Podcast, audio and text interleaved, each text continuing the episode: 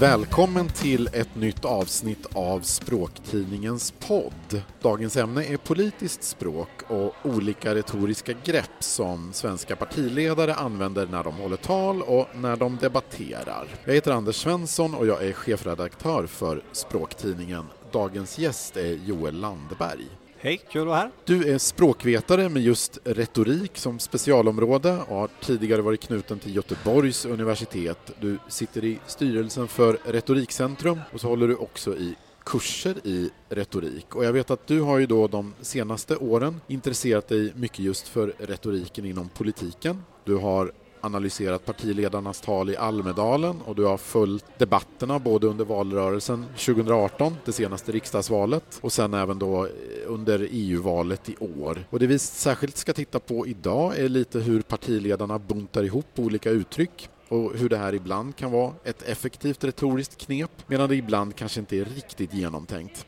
Och vi ska också diskutera hur politiker återanvänder både egna formuleringar och hur de ibland stjäl andras paroller. Om du gillar det du hör under den här podden och känner för att sponsra den så kan du mejla mig på anders.spraktidningen.se och dit kan du förstås också mejla andra synpunkter på podden om du vill ge ett litet bidrag till podden så kan du swisha en slant på 123 157 9937. Joel, till att börja med innan vi kastar oss in i detaljerna, varför är det så spännande med hur våra partiledare uttrycker sig?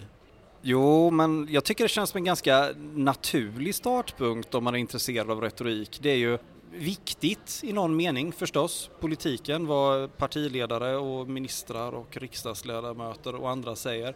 Och hur det politiska språket, vi ska inte säga för mycket kanske om hur mycket det, påverkar, det som vi säger och hör påverkar sättet vi tänker på men eh, det styr ju i någon mening agendan. Om man då vill studera retorik och tänker lite konservativt eller så här, lite traditionellt sådär kanske så är ju ett längre tal som så här linjetal på kongresser, talen i Almedalen, kanske inledningarna och i partiledardebatterna i riksdagen och sådär. De är ju de brukar vara ganska roliga att lyssna på. De brukar vara eh, hyfsat välskrivna eller i alla fall, eller i alla fall skrivna eh, och genomarbetade och sådär. Så att eh, jo, det, det är jättespännande.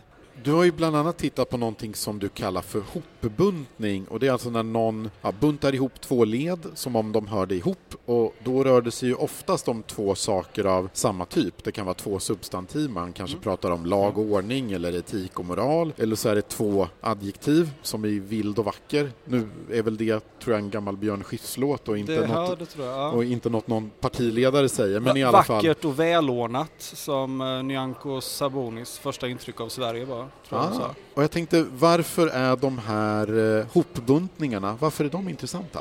Jo, de är intressanta. Dels då för att precis som du säger så finns det ju redan en massa etablerade sådana här eh, uttryck med två ord. Ordning och reda, eh, lag och ordning, hit och dit, kors och tvärs, dag och natt. Kanske är det så att just eftersom vi är vana att höra den formen så kanske man har en benägenhet att sätta tycka att den betyder lite mer än den egentligen gör. Och det här blir ju väldigt intressant när någon sätter ihop två ord som kanske inte riktigt lika självklart hör ihop. Utan här, man kan sätta ihop två grejer som vars vars relation kan diskuteras fast det läggs fram som om det var hur självklart och hur naturligt som helst. Och det, och det är väldigt spännande tycker jag. Har du något så, sånt exempel på två, men en lite oväntad kombination som du tycker fungerar bra? Jo, jag kommer ihåg en av de första grejerna jag hajade till på det här, det var när Stefan Löfven i Almedalen för några år sedan eftersträvade att vi skulle leva fria och jämlika liv.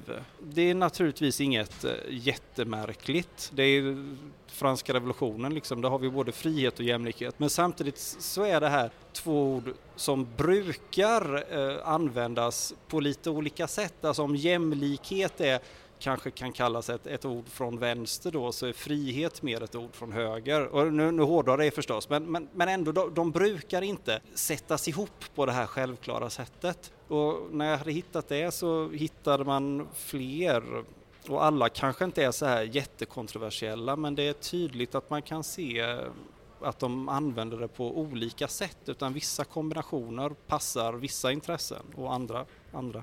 Det där är ju jättespännande tycker jag, men just som Stefan Löfven du säger och det kanske är ett litet uttryck om man som i någon mån kanske kan sägas vara lite symboliskt för Socialdemokraternas resa som parti, att man har gått från en tydlig vänsterposition och ganska mycket in mer mot en ja, liberal mittenposition. Oh ja. Det tror, jag, det tror jag definitivt man kan säga. Finns det några hopbuntningar som du tycker är mindre lyckade som du har hört från partiledarna på senaste? Ja, alltså mindre lyckade det är väl oftast att de är ointressanta, alltså att de är att de är triviala, lite som, då kan man säga att de funkar som en, som en död metafor gör, eller en etablerad metafor, att de, de funkar väl, de får något sagt men de, de tillför ingenting, de har inget eh, retoriskt värde eller sådär. Men det dyker upp en del som är intressanta. En väldigt intressant har varit den här som eh, om migrationspolitiken där de allra flesta partier vill säga på något sätt att vi ska ha en eh, Ja, vi kan höra vad de själva säger. Det, det blir ganska uppmärksammat eh, förra hösten då i riksdags, inför riksdagsvalet när Ulf Kristersson, Moderaterna, tyckte att Sverige skulle ha en klok och stram migrationspolitik och vid ett annat tillfälle en stram och civiliserad migrationspolitik. Och det här stram och civiliserad är ju ganska intressant för man kan inte riktigt säga att de står i motsättning till varandra men civiliserad, ja det lär ingen invända mot. Vad stram däremot, det är kanske lite svårare beroende på åhörarens syn på hur migrationspolitiken bör vara. Men just det att han säger stram och civiliserad, Kanske hade det varit rimligare i någon sorts vardagligt språkbruk att han hade sagt stram men civiliserad. Men, men han tycker ju att både det civiliserade och det strama är bra och då kan man ju inte nämna att det finns någon motsättning mellan dem så då får det bli stram och civiliserad. Och det här finns ju kvar. Kollar man på eh, vad det stod i vad de olika partierna skrev i sina eh, valmanifest nu i vår inför eh, EU-parlamentsvalet så fanns det väldigt många olika kombinationer på det här att eh, Liberalerna till exempel ville ha ett humant och ordnat Eh, flyktingmottagande och också ett eh, ansvarsfullt och humant skulle det också vara. Där ser vi de här lite också. Eh, Moderaterna igen ville ha både hjärta och hjärna och det är naturligtvis en väldigt, ett väldigt etablerat uttryck men där ser man också väldigt tydligt hur man försöker kombinera någonting som de själva anar är motstridiga intressen. Socialdemokraterna skriver de vill ha en hållbar och solidarisk migrationspolitik och den kanske är ja, hållbar och solidarisk kanske betyder ungefär samma sak som stram och civiliserad. Fast hållbar låter onekligen lite mer sympatiskt kanske än stram och solidarisk kanske är lite lättare att säga om man är socialdemokrat än moderat. Precis, det känns som att då är man ganska tydligt tillbaka mm. på den vänstra delen av den retoriska planhalvan. Ja, och i, en del andra ämnen så blir det nästan löjligt tydligt det här med vänster och höger hos avsändaren. Om man ser hur man pratar om demokrati till exempel så pratar eh, Centerpartiet och Liberalerna i sina texter gärna om liberalism och demokrati, liberal och eh, demokratisk eh, frihet och demokrati och sådana grejer. Medan till exempel Vänsterpartiet kan slänga ihop orden rättvist och demokratiskt. Och hela rubriken på eh, Socialdemokraternas valmanifest nu inför EU-valet var För demokrati och jämlikhet mot klyftor och extremism. Och där har man ju, ja det är en hel bunt eh, retoriska figurer på samma gång där, men har vi där demokrati och jämlikhet. Ja, då är demokrati det är någonting som alla gillar och jämlikhet, ja det, det är rätt sällan man har någon säga att de är emot jämlikhet va. utan det brukar snarare heta att det ska löna sig eller att eh, det ökar lönespridning och sådana grejer. Men man får ändå säga att det, det är ju ett, ett ställningstagande att bunta ihop demokrati med jämlikhet och det är ett ännu tydligare ställningstagande att bunta ihop klyftor med extremism.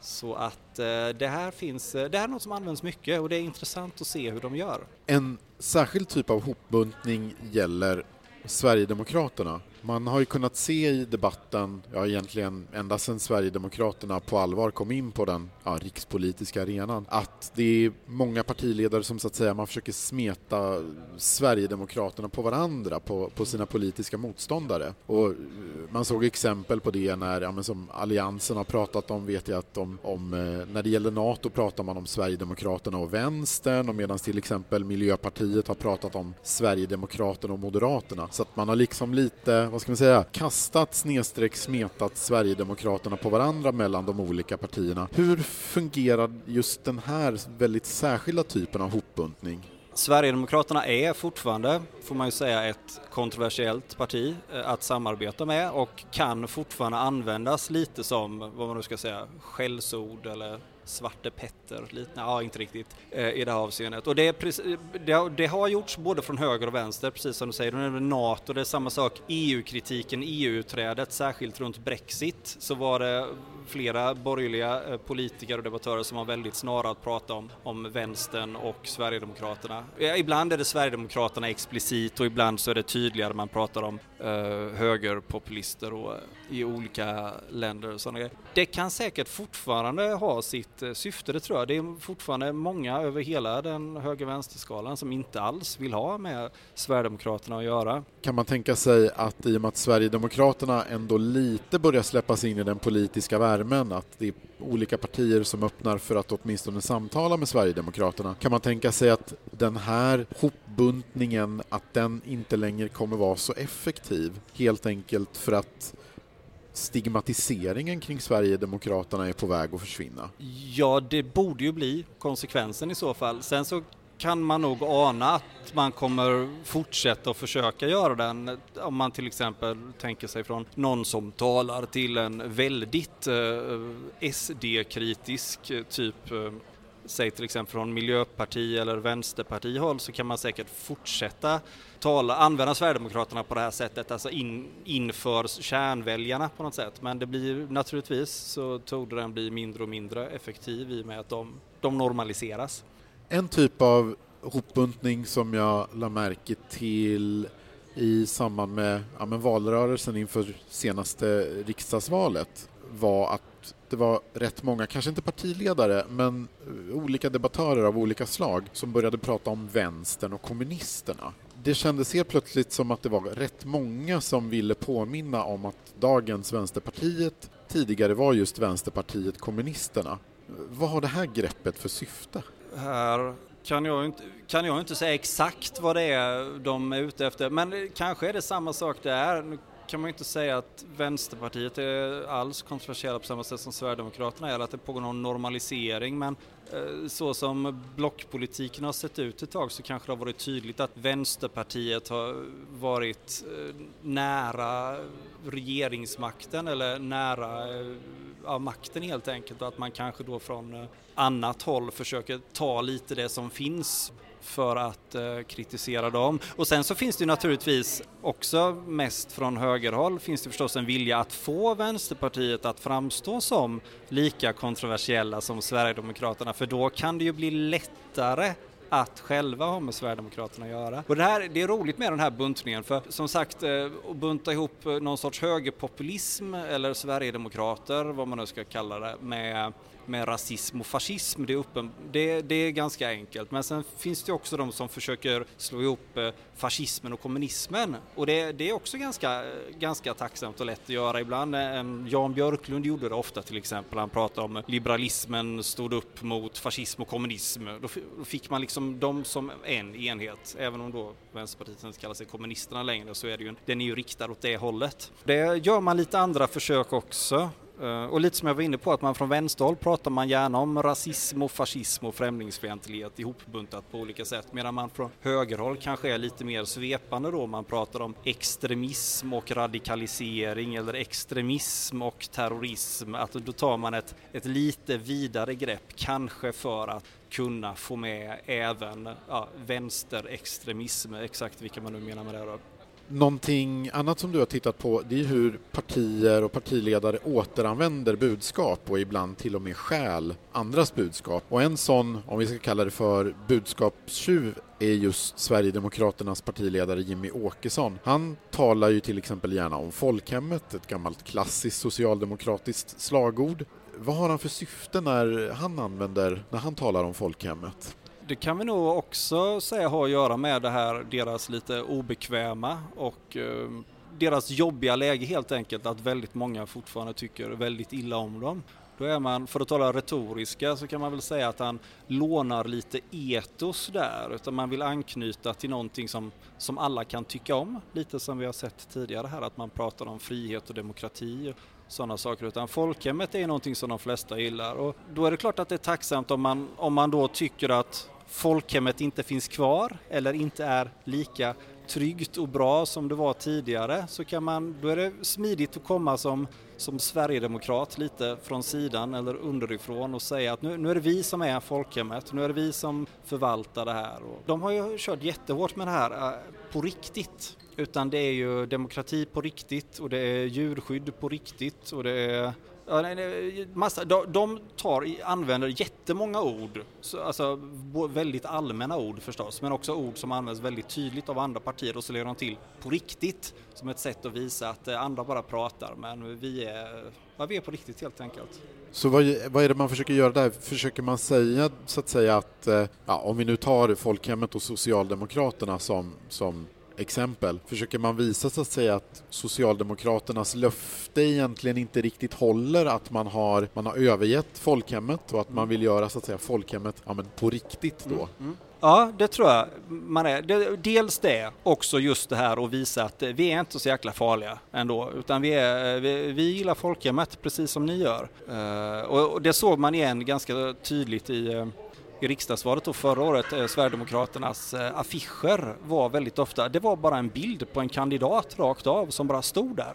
Och, och, då kan man fråga sig vad det betyder, men jag tänker mig att budskapet är ungefär eh, vi har inte horn, vi äter inte barn, vi, vi är som folk är mest. Så att det är nog båda de här grejerna. Eh, man kan jämföra det här med mm, ett lite äldre exempel när Moderaterna blev det nya arbetarpartiet.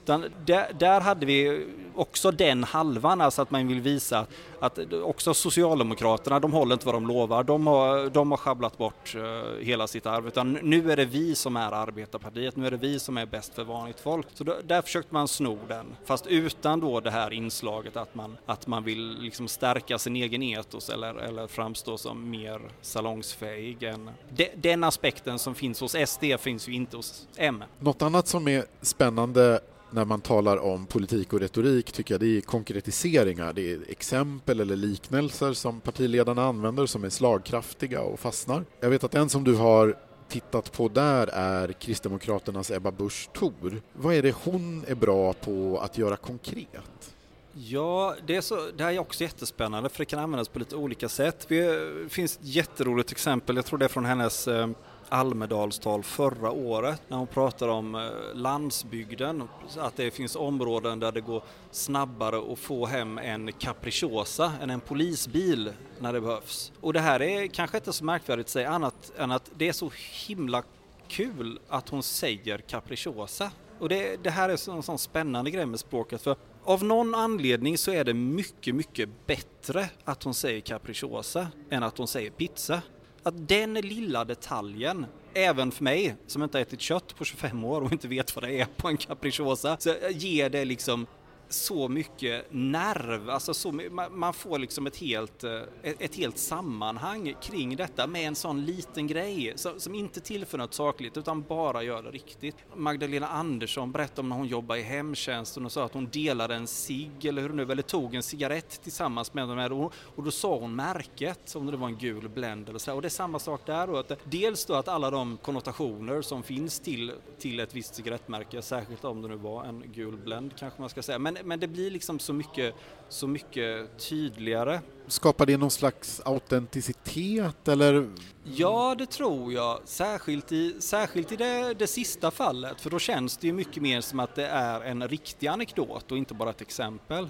En annan sån här grej som har lugnat ner sig lite men som har varit väldigt stor under ganska lång tid det är det här att man nämner namnet på människor, alltså även icke-offentliga människor, icke-offentliga personer som man har träffat så här. Ja, jag pratade med Gun-Britt i Allingsås och hon sa att Visst, det är möjligt att den som nämnde Gun-Britt i Alingsås faktiskt hade pratat med Gun-Britt i Alingsås. Annars kanske hen hade pratat med eh, någon annan eh, som sa det här och som bodde i Herrljunga, vem vet vad liksom. Men, men en sån här liten sak som att man får ett namn, det, det är så mycket lättare för oss som åhörare att se Gun-Britt framför oss än att se en kvinna och det är så mycket lättare att se Gun-Britt i Alingsås framför oss än att, än att bara se liksom en väljare eller en undersköterska eller vem det nu ska vara. Ibland så tycker jag att man ganska tydligt kan se hur eh, retoriska grepp kan slå tillbaka på den som, som säger det. Jag tänker då på ja, men som Moderaternas Ulf Kristersson som ja, i något sammanhang här började prata om att det behövdes en vuxen i rummet och det har ju väldigt många använt efter det och inför ja, senaste valet pratar Stefan Löfven till exempel att han ville se det som en folkomröstning om välfärden och så här. Och det här har man ju märkt att de andra partiledarna lyssnar ju väldigt noga på vad som sägs och det här, de här sakerna som de säger fungerar ju ja, men blir ju som ett slags löften. Om man då, så att säga, politiska motståndare inte riktigt tycker att man infriar dem så här så riskerar man ju att bli lite biten i rumpan av det man själv har sagt egentligen. Ingår det här i kalkylen när politiker kommer med den här typen av nya slagord eller paroller? Jo, det tror jag att det gör och kanske är det också, blir de också tvungna att eh, vara lite mer medvetna om detta för att de, båda de här exemplen är väldigt bra eh, bra exempel på grejer som, som lätt slår tillbaka. Man kan också nämna det här att, att vi har en feministisk utrikespolitik som liksom är att, att säga någonting som man får väldigt mycket att leva upp till och det här blir ett öppet mål för de som vill ja, driva med en för det eller argumentera mot en lite mer seriöst. Hur skickliga retoriker tycker du att partiledarna är? Är de duktiga? Jo, alltså jag tycker ganska ofta som, så är det ju hyfsat roligt att lyssna på dem. Så är det, det har blivit lite blekare. Först försvann, nu minns jag inte ens ordningen här, men Mona Salin och Gudrun Schyman och sen eh, Jan Björklund. Då tycker jag att det har blivit lite blekare för att de här, ja, Mona Salin tycker jag är helt fantastisk. Men hon kunde, hon hade verkligen ett, eh, eh alltså ett otroligt pedagogisk förmåga just där att göra politik vardagligt och verkligt och vara den där supervanliga fyrbarnsmamman från Nacka, vilket ju är ganska imponerande med tanke på att hon aldrig har varit något annat än politiker eh, faktiskt. Men jo, jag tycker de, de, är, de flesta sköter sig hyfsat. Långa tal, kan vara mer eller mindre välskrivna och debatter brukar tycka jag är ganska dåliga med. Sen är man sugen på att lyssna jättenoga och som jag nörda in mig rent grammatiska saker i talen så då kan ju vad som helst vara roligt. Finns det partiledare som blir bättre med tiden? Finns det de som man märker så att säga blir varmare i kläderna och blir bättre retoriker, bättre talare?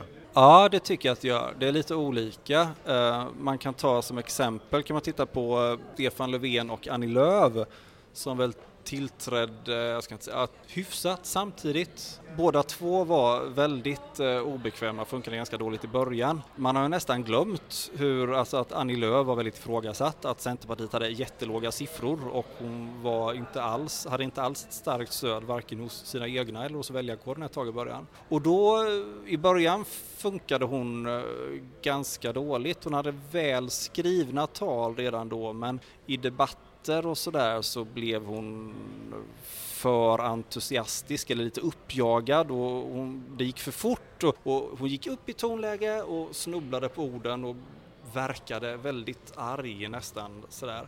Men det tror jag hon har jobbat på, eller i alla fall fått vana och nu tycker jag att hon ofta är väldigt bra, alltså både som talare och debattör. Det är välskrivet och hon, det känns som att hon liksom eh, tror på det hon säger eller sådär och, och håller huvudet kallt. Stefan Löfven har inte alls förbättrat på samma sätt. Han är bättre nu än när han började men har fortfarande, har fortfarande flera av de här problemen. Alltså talen är väl rätt okej okay, men det här att han blir för, nästan lite frustrerad, det går för fort, han hinner inte med sig själv och snubblar och kommer av sig, sådana grejer. Vad är det som du tycker att Annie Lööf gör bättre nu än när hon precis hade börjat som partiledare?